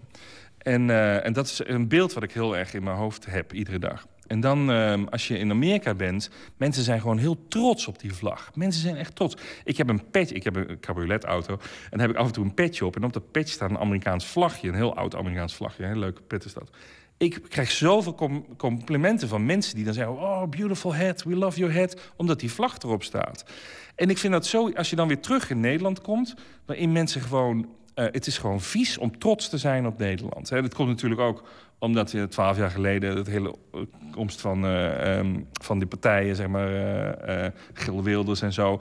is er een soort... ehm, je mag niet trots zijn op Nederland, dat is heel vies. Ik denk dat dat nu voorbij is. Die tijd is nu voorbij. Ik denk dat de mensen weer klaar zijn om je trots te voelen. En ik vind het dan veel mooier om trots te voelen op een Nederlandse vlag. Omdat we in die historie een wereldmacht waren. Wij waren een wereldmacht in de 17e eeuw. Ik vind dat mooier en interessanter dan dat we met z'n allen oranje sjaals om hebben... en staan te schreeuwen als we het voetballen zijn. Ik vind eh, dat vorm van nationalisme gewoon eh, heel interessant en mooi. En, en ik vind dat we, dat we veel meer naar ons verleden moeten kijken... en daar helden uit moeten halen en daar inspiratie uit moeten halen... en zien hoe we dat toen deden. En daar kunnen we nu weer iets van leren. En nu we dan toch bij die VOC-heldenverering zijn, dat puntje van de slavernij. We moeten het er toch even over hebben. Het is zo Nederlands om daar dan eh, weer op te springen of zo. Deze film gaat daar niet over. Ehm, zijn, wij, zijn wij als Nederlandse macht groot geworden door de slavernij? Ja. Hebben wij onze welvaart nu door de slavernij? Ja. Zijn we daar trots op? Nee. Ik vind het een zwarte bladzijde in de Nederlandse geschiedenis. Ik wil daar heel graag een film over maken. Maar Michiel heeft daar niets mee te maken. Ja, hij verdedigde wat vloten, en, eh, maar hij handelde niet in slaven. Hij werd er niet rijker van. Dat is echt complete onzin. Deze film gaat over iets anders. Je, het is al zo'n complex verhaal dat ik een 2,5 uur wil vertellen. Dan moet je een aantal dingen loslaten. Eigenlijk is die slavernij nog de minst grote geschiedsvervalsing van de film.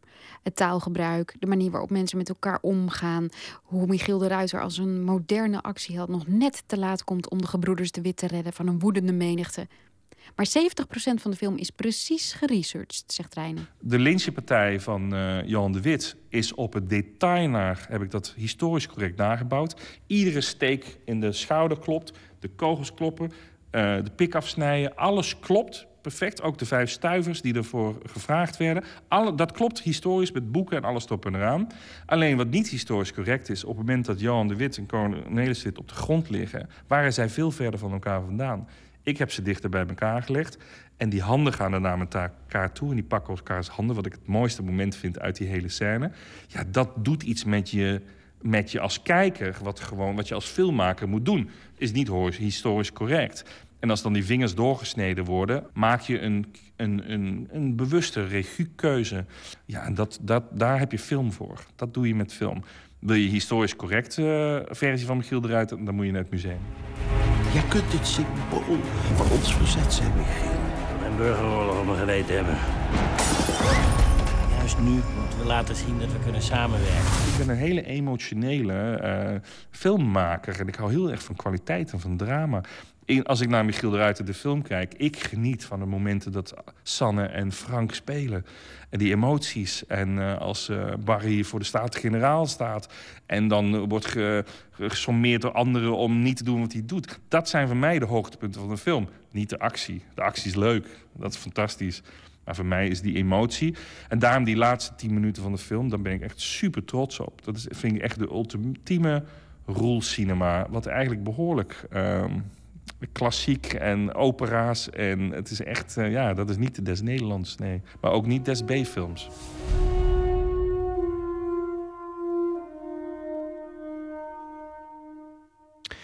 Klaroengeschal, zo hoort het eh, natuurlijk. Regisseur Roel Rijnen over eh, Michiel de Ruiter. De film die vanaf morgen in alle bioscopen zo'n beetje te zien is. Twee Engelse zussen en een broer die zich het liefst in het eh, Amerika van de jaren 60 wanen. Kitty, Daisy en Louis Durham. Brachten een eh, album uit, Kitty, Daisy en Louis III. En daarvan eh, het nummer Baby Bye Bye.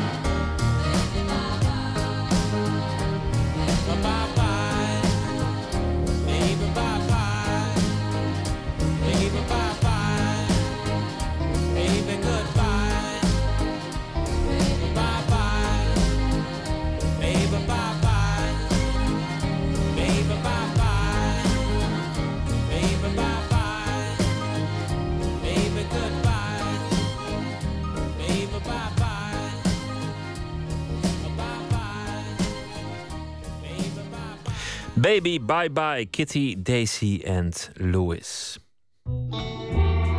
Nooit meer slapen. De eerste weken van het eh, jaar zijn niet alleen goed voor eh, sportscholen, omdat mensen goede voornemens hebben, maar ook voor dating sites. We hebben namelijk moeite met het alleen zijn. Journalist Maartje Duin schrijft bij de Volkskrant sinds oktober over dat eh, alleen zijn en over haar zelf opgerichte single-issue-partij voor de belangen van de singles. Nachtcorrespondent Botte Jellema dook in het onderwerp. Goeienacht, nacht, Botte. Goeienacht, Pieter. Hoe politiek is dat eigenlijk, die single-issue-partij? Ja, nou enerzijds helemaal niet, want het is geen politieke partij. Maar anderzijds ook een klein beetje weer wel. Want uh, de overheid die bekijkt de maatschappij toch als een verzameling stelletjes. Uh, dat heb je nooit zo in de gaten. Maar Maartje probeert het in kaart te brengen hoe dat nou precies zit. En daarom dus de Single Issue Partij. Een uh, weblog op de site van de Volkskrant.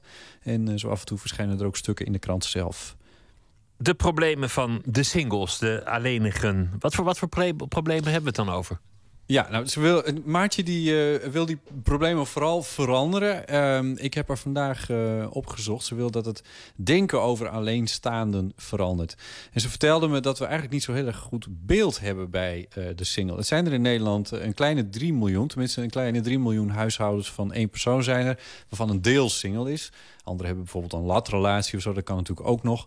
het is een hele diverse groep, maar dat is best wel substantieel. En ze worden opge verschillende gebieden miskend, zegt Maartje.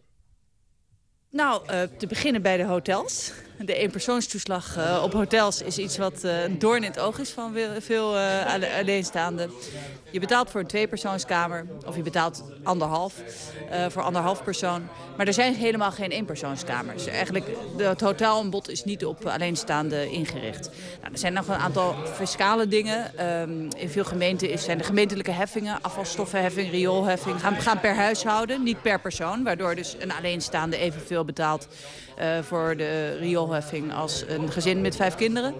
Dan is er de erfbelasting. Erfgenamen van alleenstaanden komen in een veel hoger belastingtarief terecht. Uh, als het niet kinderen zijn of partner.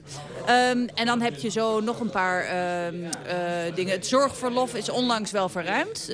Dat je dus niet alleen tien dagen kortdurend zorgverlof vrij kunt nemen voor uh, de zorg voor een, uh, alleen voor een partner of een kind, maar ook voor een goede vriend. En daar moet alleenstaande het natuurlijk vaak van hebben. Ja, ze worden dus ongelijk behandeld in de, de rioolheffing. Hè? Je, je belast het riool toch minder als ja. alleenstaande dan wanneer je een gezin van acht met acht kinderen bent. En toch betaalt iedereen ongeveer hetzelfde. Hele concrete dingen. Waar komt het vandaan dat de maatschappij is ingericht op setjes van twee of gezinnen? Ja, koppeltjes, ja, gezinnen.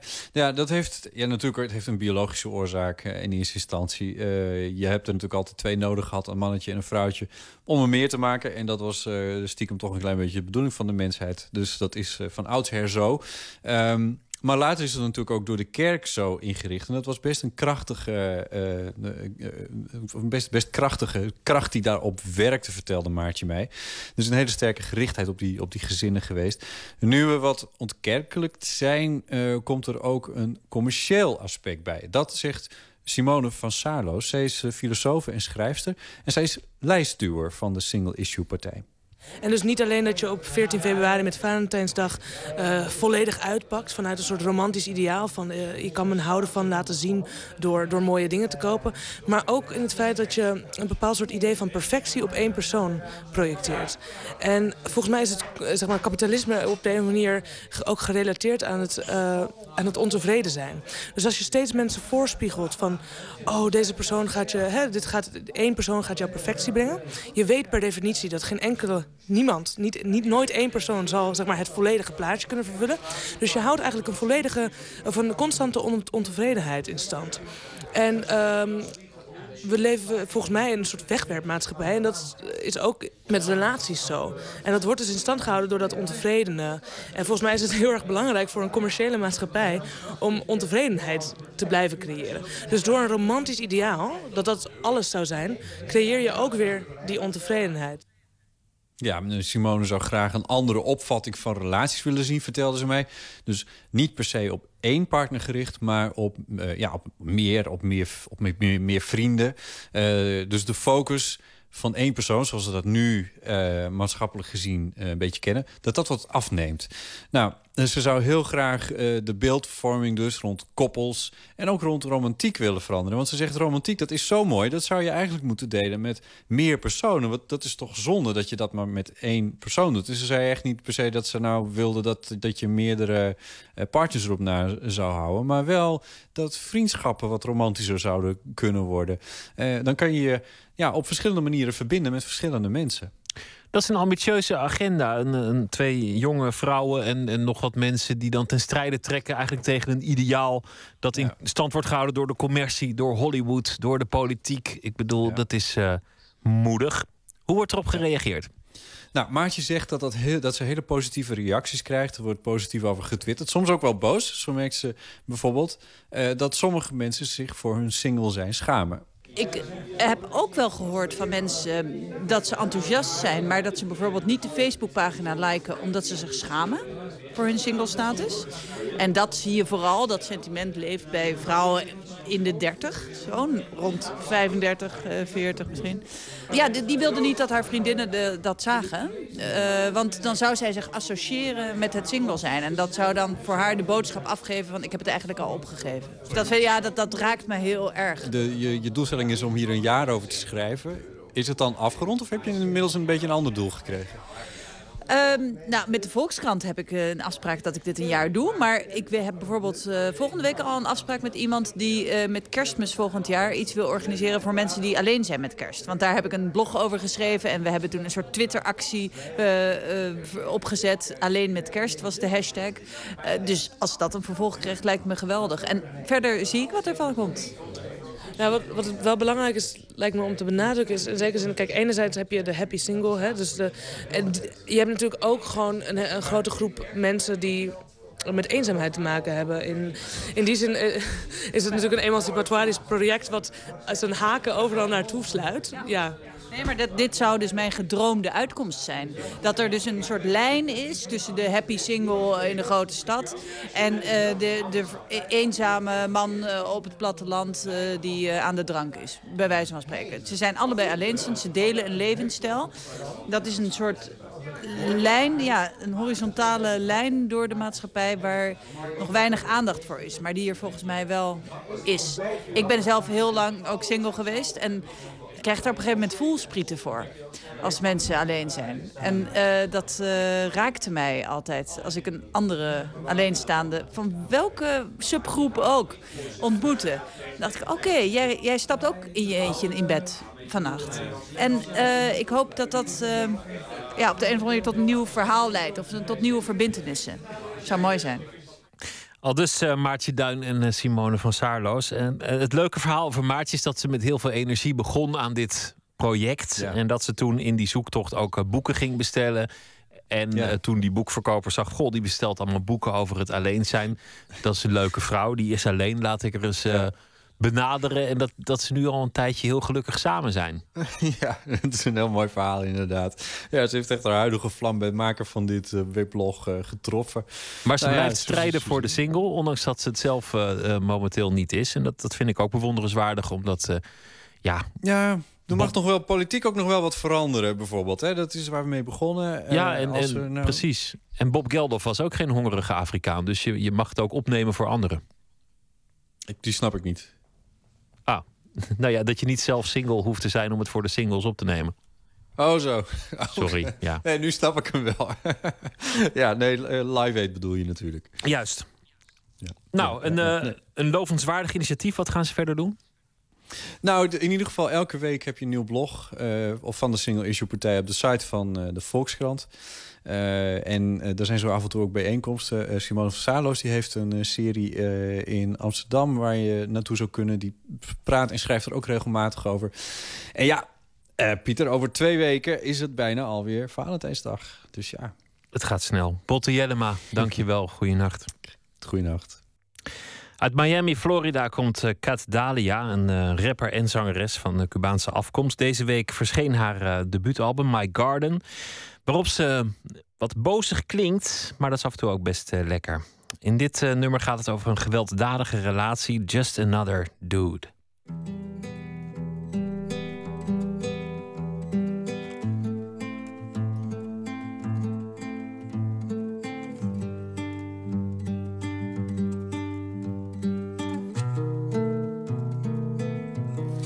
What a strange thought.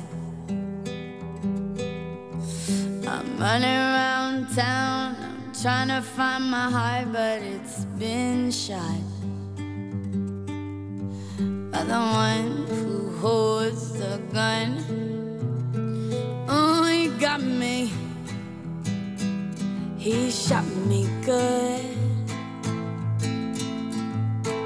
Oh, he got me. He shot me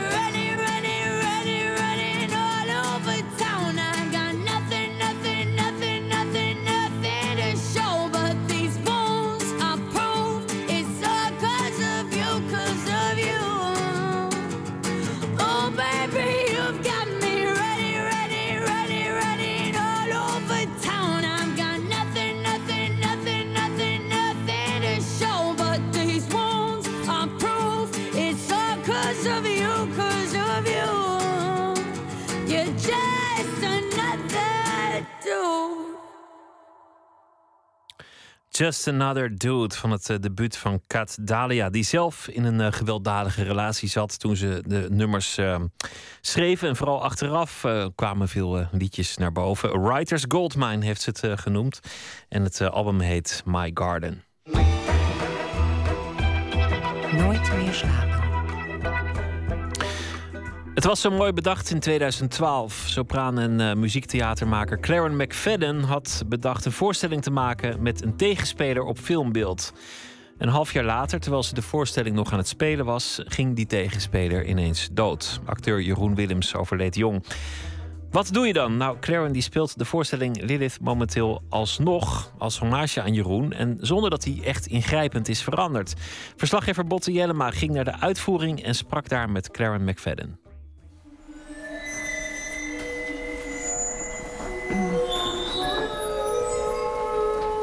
Het is een ode aan Jeroen geworden. Want toen het gemaakt werd, eh, leeft hij nog.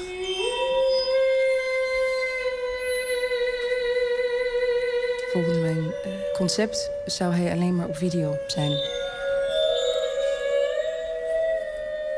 En toen hij overleden was, is het, eh, het kreeg een heel andere betekenis.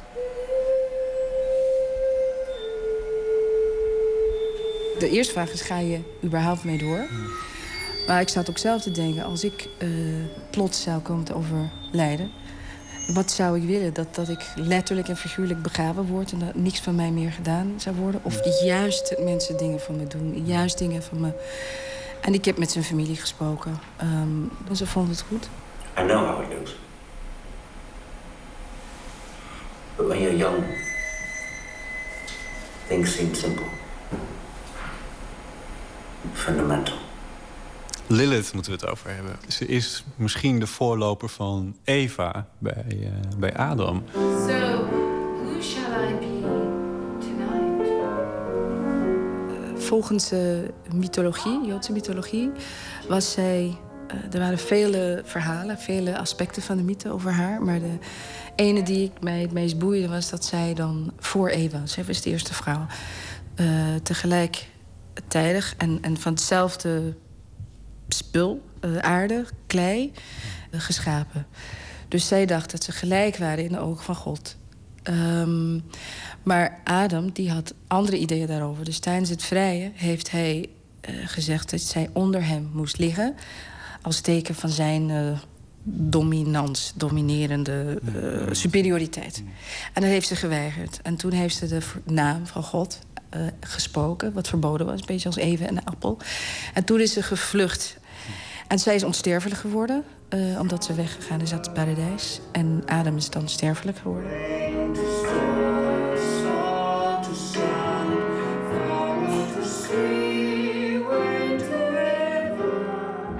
Ik wou het verhaal in de 21e eeuw brengen. Dat is een, het is een verhaal, eh, iedereen kent het. Het is liefdesrelaties die fout gaan. Op bepaald moment kunnen je elkaar helemaal niet meer communiceren. En ieder zoekt zijn eigen sterkte als wapens, als het ware. En dus zij kon goed zwemmen, zij was goed met dieren. eh, en dat was haar ding. En hij was niet zo goed met dieren, maar het kwam eruit dat hij sterker was. En, en, en kracht was niet zozeer iets eh, beters, alleen op het moment van het gevaar. Hij heeft gewoon een boom opgetild in zijn eentje. En zij zegt, hoe heb je dat gedaan? Ik wil het ook leren. Hij zegt, oh, dat kan niet. Want dat heb ik van God gekregen. En zo ontstond de macht van Adam over Lilith. Ja, inderdaad. Ja. I didn't think I ran. I caught the trunk against my chest. I couldn't bear that she'd be hurt. I lifted it. Alone. Het is, een, het is in die zin ook een feministisch verhaal. Ja en nee. Eh, ik heb diverse gesprekken gehad met quote-unquote feministen en power chicks. Eh, de pionier eh, feministen, die, die, die snappen wel dat het, het gaat niet om je vrouwelijkheid negeren of je mannelijkheid, eh, dat, maar het is gewoon dat we zijn gelijk door onze verschillen. En dat is het probleem. Dat, dat, dat wordt gewoon iets is beter. En het heeft ook met seksen te maken, ook met rassen te maken, met alles te maken. Eh, en voor mij was het belangrijk om de discussie eh, eraan te gaan... of de vraag te stellen, wat is gelijkheid? Want die twee die waren letterlijk voor elkaar geschapen, is dat goed? Dus de liefde was puur. Het is fout gegaan. Die, hebben, die zijn gelijk in hun liefdesverdriet. En ook gelijk aan de overlevingsdrift. Hij zoekt het een huisje, bompje, beestje met Eva. En de kinderen doen het allemaal goed op school. Maar hij heeft het voortdurend over zijn ex. Eh, en probeert alles goed te praten. En aan het eind zegt hij, ja, ik ben gewoon bang. En ik hou van haar. Waarom praat ik de hele tijd over haar? Ik had over me even moeten praten. En zij zoekt het dan op in de armen van weliswaar dubieuze types. Eh, maar ze keert altijd terug in haar hart naar hem toe. Dus eh, dat is voor mij gelijkheid in, de, in, de, in de droevigheid en de triestheid. Dat, eh, ja. En dat zij is een warme, menselijke figuur. Hij is ook een menselijk figuur. En hoe... Kijk, als je ex meteen nu de deur binnen zou komen... dan zou je niet, het zou je niet niks doen. Ook al is het 30 jaar later of 60 jaar. En dat wou ik proberen te, te zeggen. Het is niet kant-en-klaar boembaat. De hart eh, heeft een eigen ritme. En, en je kan het proberen te negeren, maar dat, dat, dat werkt gewoon niet.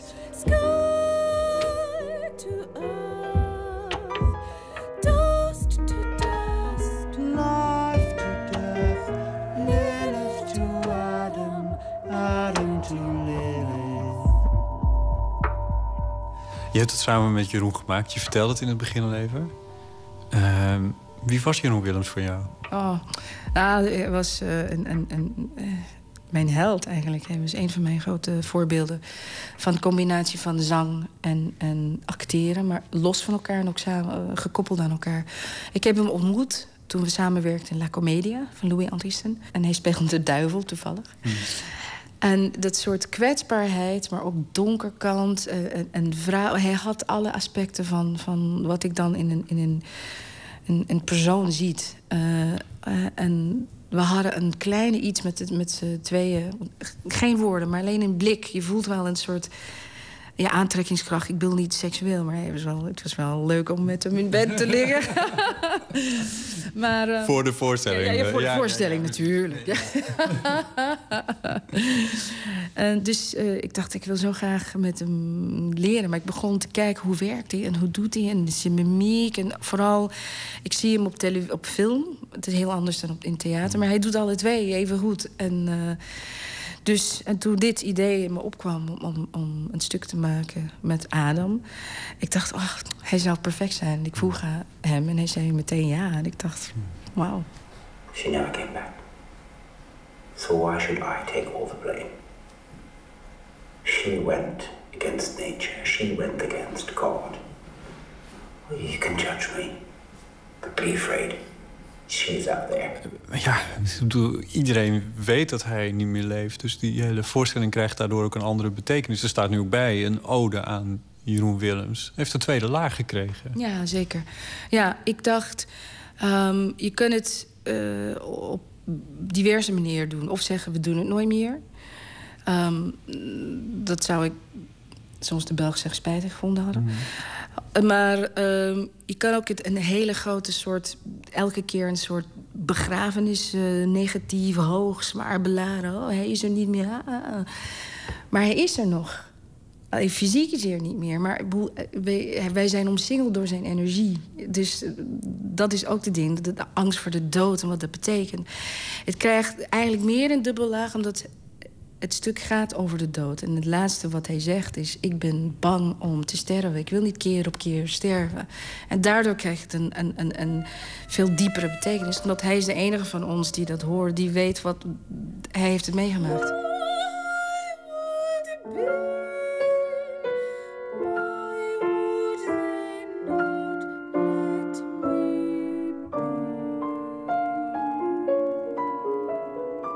De eerste keer dat je zeg maar, hem op larger than life op, op beeld ziet, je denkt, oeh, ja.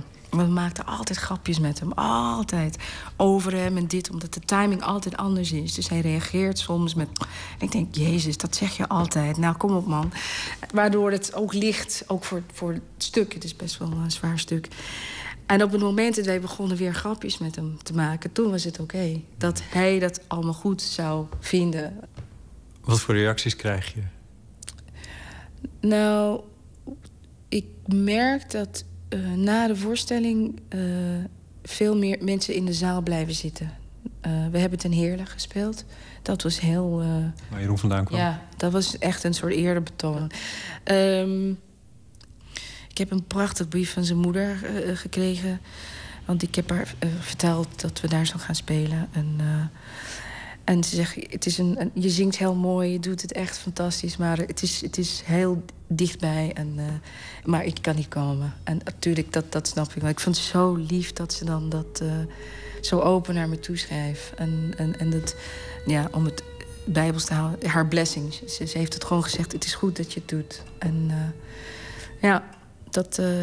dus toen, toen had ik ook tranen na, na afloop. Het was... maar nu, ehm, we hebben het nu la- laatst in Amsterdam gespeeld. En eh, ik hoorde dan, eh, mensen waren echt eh, ja, ontdaan. En, en, en ik nogmaals denk, omdat het iemand is die er niet meer is. Maar ook omdat je onmiddellijk geconfronteerd wordt met je eigen sterfelijkheid. Ehm, dus er waren ook mooie gesprekken na afloop. En dat vind ik fantastisch. Dat mensen zich vrij voelen om in, dat in te vullen hoe zij het willen en met mij te delen. Ja.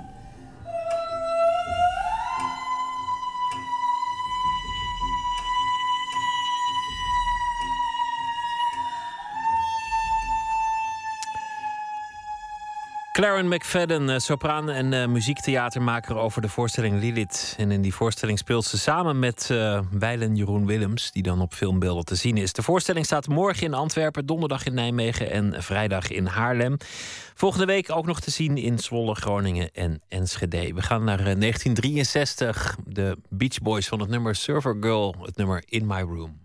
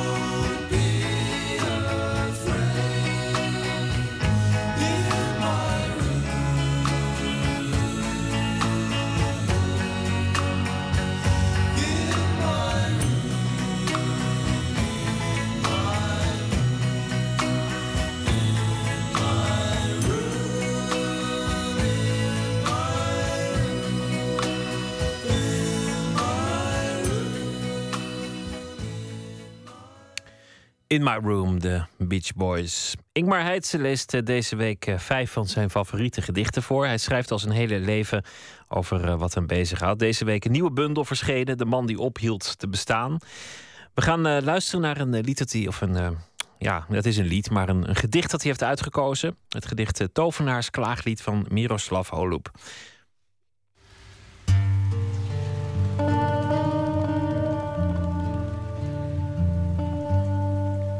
Een gedicht van de Tsjechische dichter Miroslav Holub, vertaald door Jana Beranova.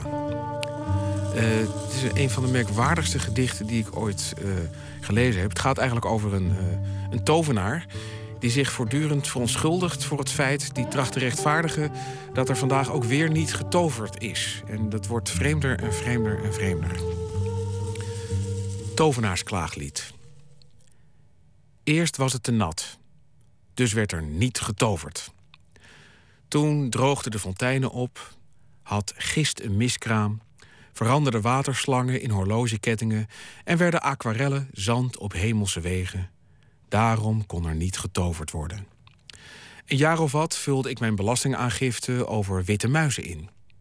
De koning ruziede met de koningin, behang kreeg oren, vuur rolde zich op in het linoleum en bliksem trof de piano. Zodat je onmogelijk kon weten of er getoverd werd of niet. Ten slotte bleek er een absoluut tekort aan vleermuizen. Ik maakte ze van papier, maar ze leken op vliegende biggetjes en werden opgevreten door de lintwormen van typemachines. Mijn toverstaf werd zwanger van een uitgediende heilige. Mijn leerlingen raakten aan de fles. Eigenlijk ben ik nooit begonnen met toveren. Maar mijn grote magie is dat ik er nog ben. Een stralenkrans van de middelste graad boven beide hoofden. Ingmar Heitse las het uh, Tovenaarsklaaglied, een gedicht van Miroslav Holub. Dit was Nooit meer slapen. Morgen na middernacht, dan zijn we er weer. En uh, ik wens u een hele goede nacht. Morgen een leuke dag en uh, graag weer tot dan. Straks de Nacht van Jolen met Francisco van Jolen. Veel plezier en graag weer tot morgen.